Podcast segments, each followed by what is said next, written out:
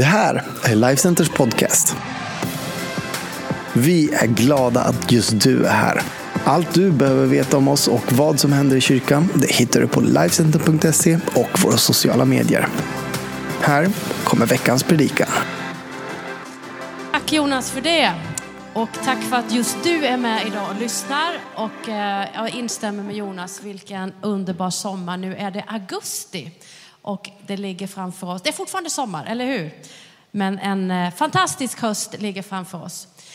Eh, jag kommer tala om någonting som vi hade som tema för bara några månader sedan, som var den goda kampen.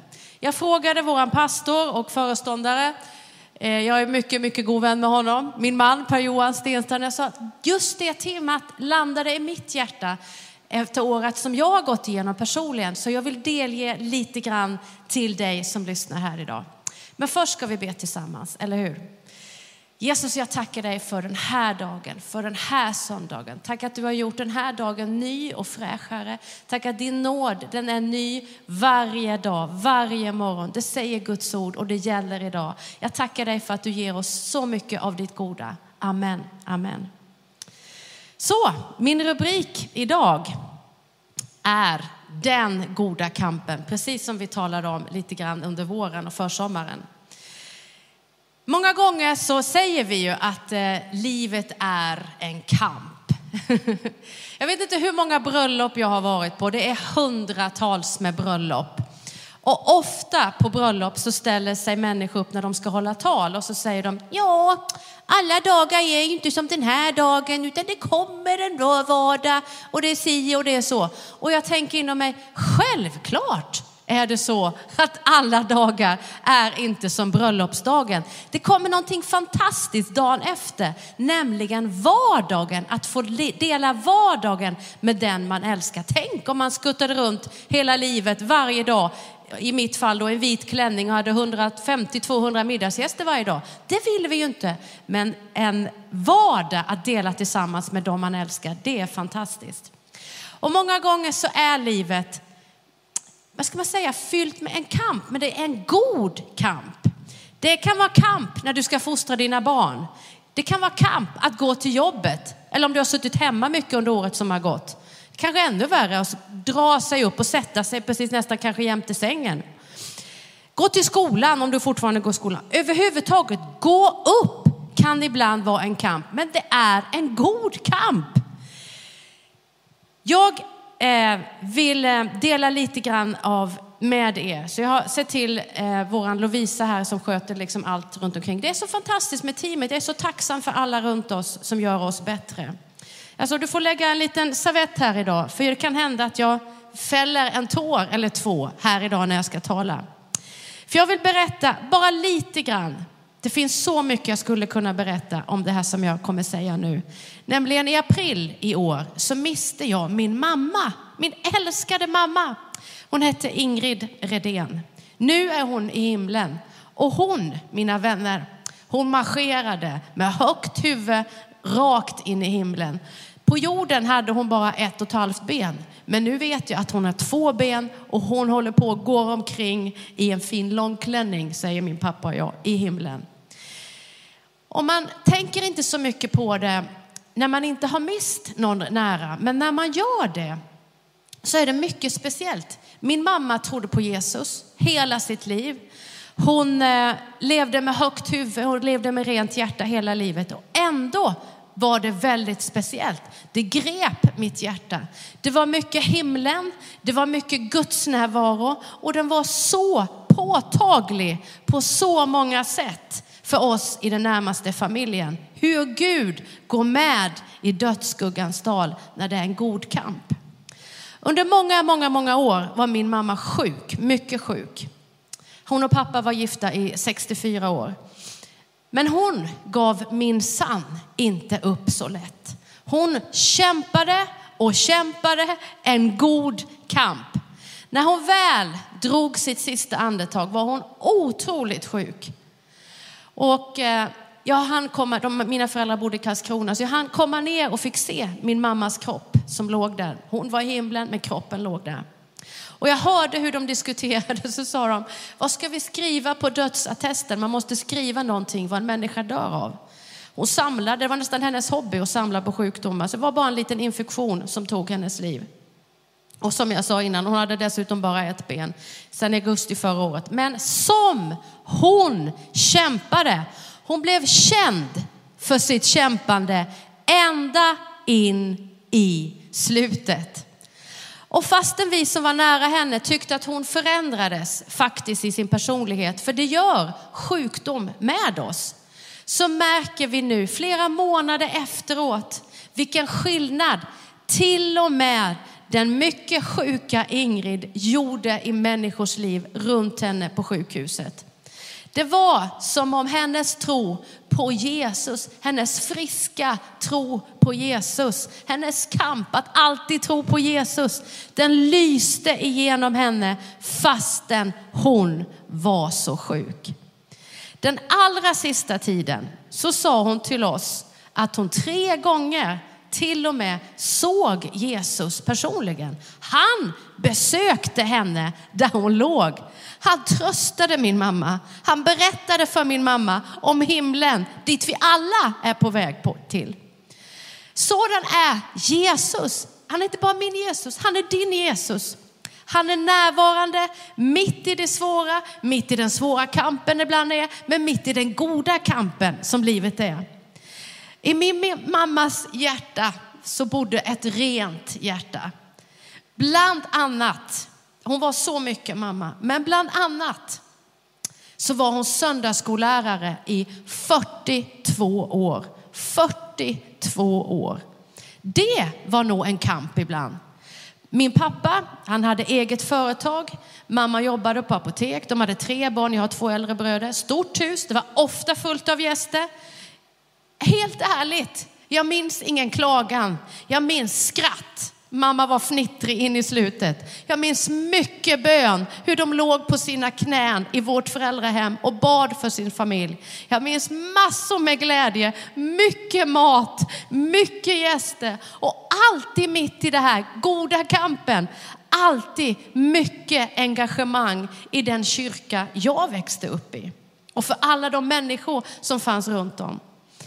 Min pappa berättade för bara några veckor sedan hur de, mamma och pappa tillsammans förberedde söndagsskolan i 42 år, redan på lördagskvällen. De hade hundratals och åter hundratals barn i den här söndagsskolan. Vecka ut och vecka in. Vecka ut och vecka in. Efter söndagsskolan så åkte vi allihop på gudstjänst. Ofta hade vi, då på den tiden behövde man ju sitta vältade och med bilstolar. Vi hade hela bilen fullproppad med kompisar från den söndagsskola som vi nyss hade varit på. Och så åkte vi till kyrkan på gudstjänst. Och antagligen åkte det här gänget hem till oss, var vrålhungriga och åt av den söndagmiddag som mamma hade förberett på lördagskvällen. Det var säkert en kamp många gånger, men jag har aldrig hört ett ord om det. Utan mitt i allt så var det så fyllt av glädje för att få se alla för, den förvandling som blev bland alla de här söndagsskolbarnen. Nu har det gått några månader, min pappa är enkling och han gör det här så bra, fantastiskt bra. Och så har han sagt till Gud, Gud, du ser vad som har hänt. Jag behöver uppmuntran, sa min pappa. Och så går han en liten promenad i lilla Karlskrona på förmiddagen och så går han på eftermiddagen. Och nästan varje gång han är ute och går så kommer människor fram till honom och så säger de, Göran, det heter min pappa, du känner nog inte igen mig. Men jag gick i söndagsskolan hos dig och din fru. Tack för det ni sådde in i våra liv. Mamma och pappa kämpade en god kamp med alla dessa söndagsskolbarn. De sådde och sådde och sådde och det har gett en enorm skörd. Jag ska dela en liten, liten story i det här. Det finns så mycket predikostoff och så mycket som jag har i mitt hjärta sedan den här tiden. När jag och mina bröder och pappa stod vid mammas kista i maj i år så sa pappa, så han klappade på kistan och så sa han, Ingrid jag tackar dig för vårt liv tillsammans. De har varit tillsammans sedan 1954. Så sa han, hälsa Maja och Adolf, det var min mormor och morfar som har gått före, de dog för länge sedan. Hälsa dina bröder som har gått före, våra gamla vänner som har gått före. Och så sa pappa så här, hälsa alla våra söndagsskolbarn som kanske har gått före och som du möter. Jag har tre punkter, det här var en lång inledning, eller hur? Min första punkt, nu kommer den här små tårarna. Det är det här. Kämpa för ditt hjärtas renhet. Det är ditt ansvar, det är ditt hjärta. Det står så här i eh, psalm, eller Ordspråksboken 4 och 23, ett välkänt bibelord. Framför allt som ska bevaras, framför allt, framför ditt äktenskap, framför din familj, framför ditt jobb, framför allting du har runt dig, framför allt som ska bevaras, må du bevara ditt hjärta. Ty därifrån utgår livet. Du har säkert hört, det hjärtat är fullt av, det talar munnen. Det står så här i psalm 51, vers 8 och 12 ska vi läsa. Du, Gud han älskar sanning i hjärtat. Gud avskyr lögnen. Tala sanning, lev i sanning. Lär mig då vishet i mitt innersta. Och så står det i vers 12, för ibland går man fel. Det har jag också gjort och det har säkert du gjort också. När det har blivit fel, skapa i mig Gud ett rent hjärta igen och igen och igen om det behövs. Och ge mig på nytt en frimodig ande. Kämpar du med synd, någonting som du tror att ingen annan ser, vi är duktiga på att hålla masker, eller hur? Men Gud ser, inte som ett hot utan med kärlek. Sånt som du kanske skäms över att visa för andra, det är aldrig kört för dig eller mig. Aldrig kört. Be ett uppriktigt förlåt till framför allt Gud. Vad har jag gjort Gud? Jag körde fel, jag körde vilse. Men också människor som du har sårat nära dig och kämpa dig en god kamp tillbaka. Och kom ihåg, det finns alltid, alltid, alltid en väg tillbaka. Om du har gått fel någonstans, jag är en mästare på att köra fel, jag går vilse konstant. Så, men berätta när du gått vilse i ditt liv, berätta för Gud vad du har gjort och så ber du om förlåtelse. Det är befriande. Vad hade vi varit utan Jesu fullkomliga seger på korset? Det finns ingenting han inte har dött för eller vunnit seger över. Det är alla våra misstag och alla våra sjukdomar en överväldigande seger på korset. Visst är det, kanske speciellt under året, ett och ett halvt, snart två år som har gått, jättelätt att öppna sitt hjärta för bitterhet. Jag råkade klämma vårt yngsta barnbarn Gretas lilla minsta eh, lillfingernagel i bildörren för, någon veck, för några veckor sedan och det gjorde ont i hela mig. Och hon vrålade. Det gjorde ju inte bara ont där, det gjorde ont i hela henne. Och jag tänkte, tänk om man släpper in lite, lite, lite, bara lite bitterhet. För du vet, det har jag rätt till. Säger vad då? Det står precis tvärtom i Bibeln. I Hebreerbrevet 12 och 15. Se till, Ulrika, eller ditt namn, att ingen går miste om Guds nåd som är, vi kan inte förstå Guds nåd. Att ingen bitterrot, lilla, lilla lite, skjuter skott i mitt liv och vållar skada. Och kom ihåg att bitterhet smittas. Det, ibland när jag talar om mina föräldrar och min familj kan det låta som att det var perfekt, ingenting hände. Så är det inte. Det händer säkert saker i mina föräldrars liv, deras äktenskap. Men det var aldrig, aldrig någon bitter rot, någon liten, liten grej som de släppte in i familjen. Därför blir de skott, nästa generation. Det finns ingen bitterhet gentemot Gud, människor, kyrkan, vad som än har hänt. Det har inte vållat skada och framförallt smittade ingen annan. Du vet, bitterhet, det smittar värre än covid-19. Visst är det bra? För det andra, jag ska öka på här, så springer vi, spring ditt lopp.